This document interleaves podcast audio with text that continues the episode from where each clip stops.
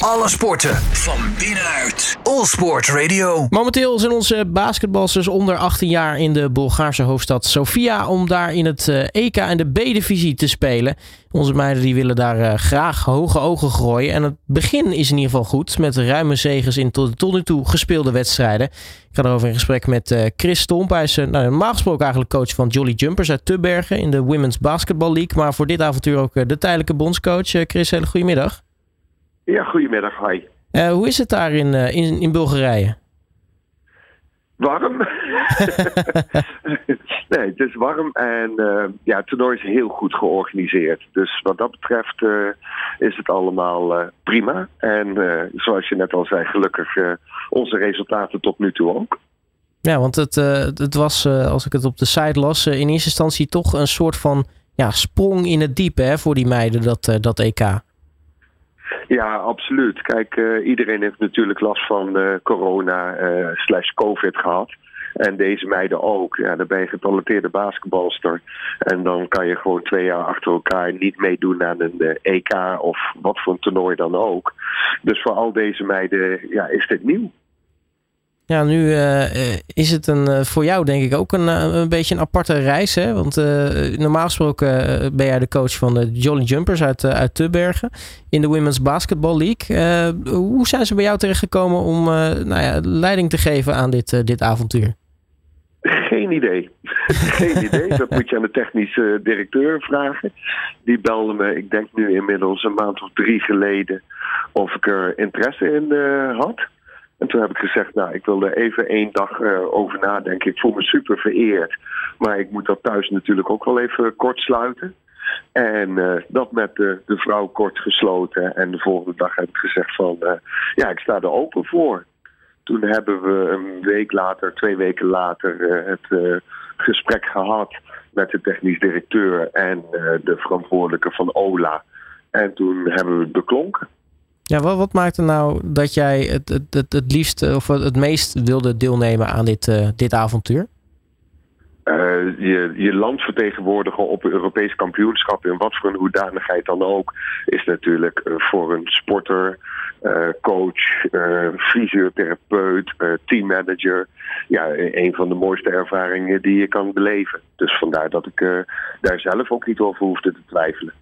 Nou, en dan uh, begin je dus als, als bondscoach aan zo'n uh, traject. Waar, waar begin je dan eigenlijk?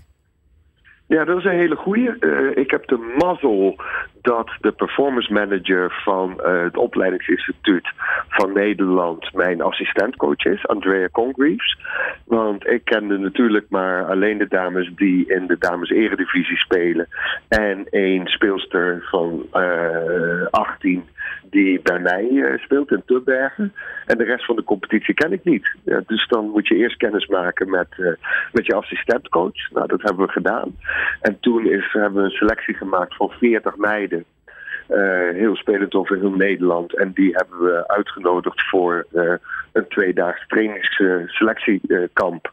En uiteindelijk hebben we aan het eind van die twee dagen hebben we een selectie gemaakt van 18 man wat we over de weken hebben uitgespreid naar de huidige twaalf die het nu zijn. En uiteraard bereid je dan ook voor op zo'n zo'n toernooi. hoe is die voorbereiding eigenlijk verlopen? Ja, best, best goed. Precies zoals we het gepland hadden. We hebben uh, zaterdag vier uur getraind, elke zaterdag. En uh, zondags vier uur getraind. Daarbij hebben we, nadat het de vakantie was, hebben we op de woensdag ook nog vier uur getraind. We hebben een voorbereidingstrip in Luxemburg gehad. En een, vorige week een voorbereidingstrip in Ierland. En dan, ja, dan ga je naar Sofia toe. Het was een heel kort nachtje, want S'avonds om acht uur was ik thuis. Dus uh, s'nachts om vier uur zaten we alweer in de auto naar, uh, naar uh, Eindhoven om te vertrekken. En dan kom je hier aan op donderdag en dan gaat het los. Ja, en dan is natuurlijk de vraag: kun, kun, je dan op vooraf überhaupt nou, misschien een verwachting uitspreken? Of, of kon je überhaupt iets zeggen over waar je selectie stond op vooraf? Op voorhand? Nee, hele, helemaal niet. Helemaal niet. Kijk, we hebben misschien ben een eigenaardig persoon. Ik beschouw oefenwedstrijden echt als oefenwedstrijd. En dat betekende ook dat we de eerste wedstrijd in Luxemburg met 14 man speelden. En dan wil ik alleen maar dingen zien waar we op getraind hebben. Toen kwamen we ook net aan naar de verlies die wedstrijd. De volgende dag hebben we tegen Luxemburg gespeeld. En toen was het dan wel beter. Die hebben we gewonnen. En dan uh, ga je door met je selectie. In Ierland hebben we een wedstrijd gewonnen en verloren. Dus dan heb je een beetje idee wat het niveau van die twee teams is. En dan moet je de eerste wedstrijd spelen tegen Noorwegen, waar je in principe ja, niks van af weet. Niet wat de lichting is, niet wat hun kracht is, niet wat hun zwakte is. En dan ga je die wedstrijd spelen. Dus je benadering is eigenlijk vanuit je eigen kracht. Ja, is het wat dat betreft dan een, een vloek of een zegen in jouw ogen dat je eigenlijk helemaal niks afweet van je, van je tegenstander? Want ik kan me voorstellen, aan de ene kant wil je wel wat voorbereid zijn in je team, wat info meegeven. Aan de andere kant, ja, het geeft je natuurlijk de, de gelegenheid om alleen maar op jezelf te richten. Precies, ja, ja. Het is wel fijner, hebben we gemerkt, gedurende het toernooi.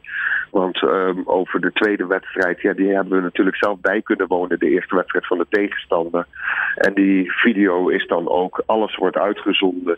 En alles is op YouTube. Dus dan kan je al goed de analyse daarop pakken. Plus we trainen nog elke dag. En we doen elke dag videoanalyse. Dus ik vind het persoonlijk wel veel fijner om iets van de tegenstander te weten. Maar laat ik het zo zeggen, ik denk dat het een uh, 70-30 percentage is. 70 procent, uh, misschien wel 80 procent geloof in je eigen zelf en je eigen kunnen. En 20 procent wat je adjust, wat je, wat je aanpast aan de tegenstander. Nou, hoe dan ook, uh, tot nu toe uh, gaat het eigenlijk best wel lekker met het team. Hè? Twee wedstrijden in de pool gespeeld. Uh, vanmiddag dan de derde wedstrijd. En tot nu toe alles eigenlijk met, met best wel ruime cijfers gewonnen. Ja, ja, en ook nog vanuit ons stramien. We zijn met twaalf meiden hier naartoe gegaan. En ik heb zo lang mogelijk gerekt, want normaal speel je met een rotatie van zeven à acht speelsters. wij, wij zijn denk ik twaalf diep. En nu ontstaat er ook bij de meiden van ja, hartstikke leuk allemaal. Maar ik wil meer spelen en ik wil beter spelen en ik wil meer minuten maken. Dus de concurrentie onderling neemt ook wat toe. Uh, de eerste wedstrijd hebben we echt bijna allemaal evenveel gespeeld. Ja, die was die dikke winst tegen Noorwegen. Wat al in de eerste helft uh, vrijwel de wedstrijd al over was. En ja, tegen de, de tweede wedstrijd moesten we in, in, de rust toch wel even weer aan de bak. En toen werd het wel een beetje duidelijk van oké, okay, wie zijn er echt tegen de druk bestand en uh, wie hebben hier nog wat in te doen. Maar ja, dat kan vanmiddag zomaar, meteen, uh, zomaar weer iemand anders zijn. Omdat we echt wel een goede, diepe selectie hebben. Ja, nu is uh, vanmiddag de wedstrijd tegen Slowakije. Dat is uh, nou ja, het, het, team wat eigenlijk gelijk opgaat met Nederland in de pool. We hebben ook twee gespeeld, twee gewonnen. En wat dat betreft ja. gaat er gespeeld worden om de groepswinst. Um, ja. ja, hoe, staan de, hoe staan de meiden ervoor? En, en ja, hoe zit het eigenlijk een beetje misschien met, met de zenuwen of, of dat soort dingen? Ja, de eerste wedstrijd was echt wel uh, een grote spanning. Nou, inmiddels zijn we hier al een aantal dagen, dus ik denk dat die spanning wel iets afgenomen is. Maar ja, Slowakije uh, is echt wel een topland. Dat hebben ze laten zien, die twee wedstrijden.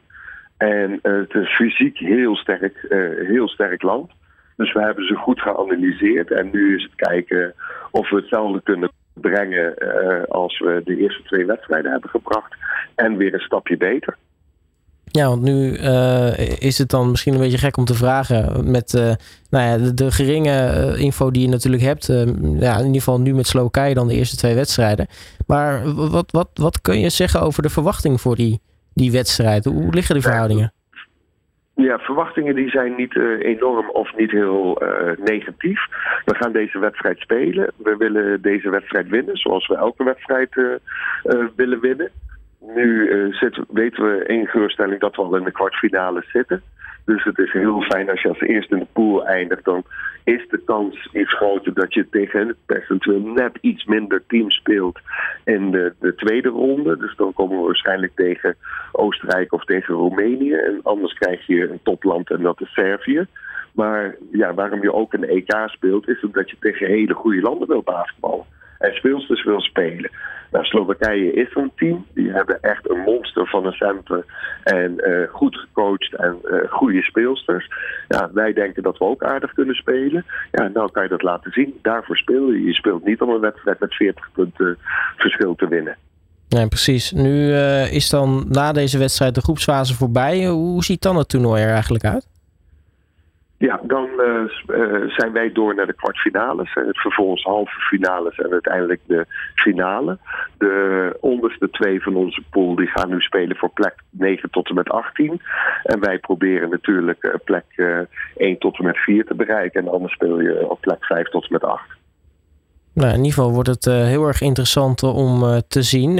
tot slot, Chris. Um, ja, nu is denk ik basketbal Minnet Nederland best wel benieuwd hoe het zit met uh, de lichting uh, onder 18 jaar. Uh, ja. is, het, is het een, een mooie lichting om mee te werken? Zit er veel toekomstperspectief in, ook voor zeg maar, het, misschien het grote oranje? Ik uh, ben zeer verbaasd van het niveau. Uh, ik, zal, ik weet niet of de criticasters zijn of wat dan ook. Daar hou ik me allemaal niet mee bezig. Maar als je ziet hoe professioneel deze meiden met hun sport omgaan, wat voor talent ze hebben. En dan heb ik het over de meiden van Ola, dan heb ik het de meiden van Triple Threat, heb ik het over het meisje wat bij mezelf speelt, heb ik het over het meisje van Bal. Dus de geselecteerden, die zijn echt mega getalenteerd. En uh, ik durf wel de bouten uitspraak te doen dat als we dit team hebben in de dames eredivisie, dat we er niet met uh, elke wedstrijd afgaan, maar dat ze echt mega gaan doorgroeien. Nou, dat, eh, dat, klinkt heel erg positief. Uh, dat, dat is denk ik mooi ook voor jou om, om mee te werken. En laten we hopen dat dat ja. nou ja, ook voor de meiden natuurlijk een mooie ervaring wordt daar in, in, in Bulgarije. Chris Stomp, mag ik ja. je hartelijk danken voor je tijd. En natuurlijk heel erg veel succes ook vanmiddag met de meiden in die laatste groepswedstrijd. En ook natuurlijk sowieso verder, met het verder verloop dit toernooi. Oké, okay, dankjewel. Alle sporten van binnenuit. All Sport Radio.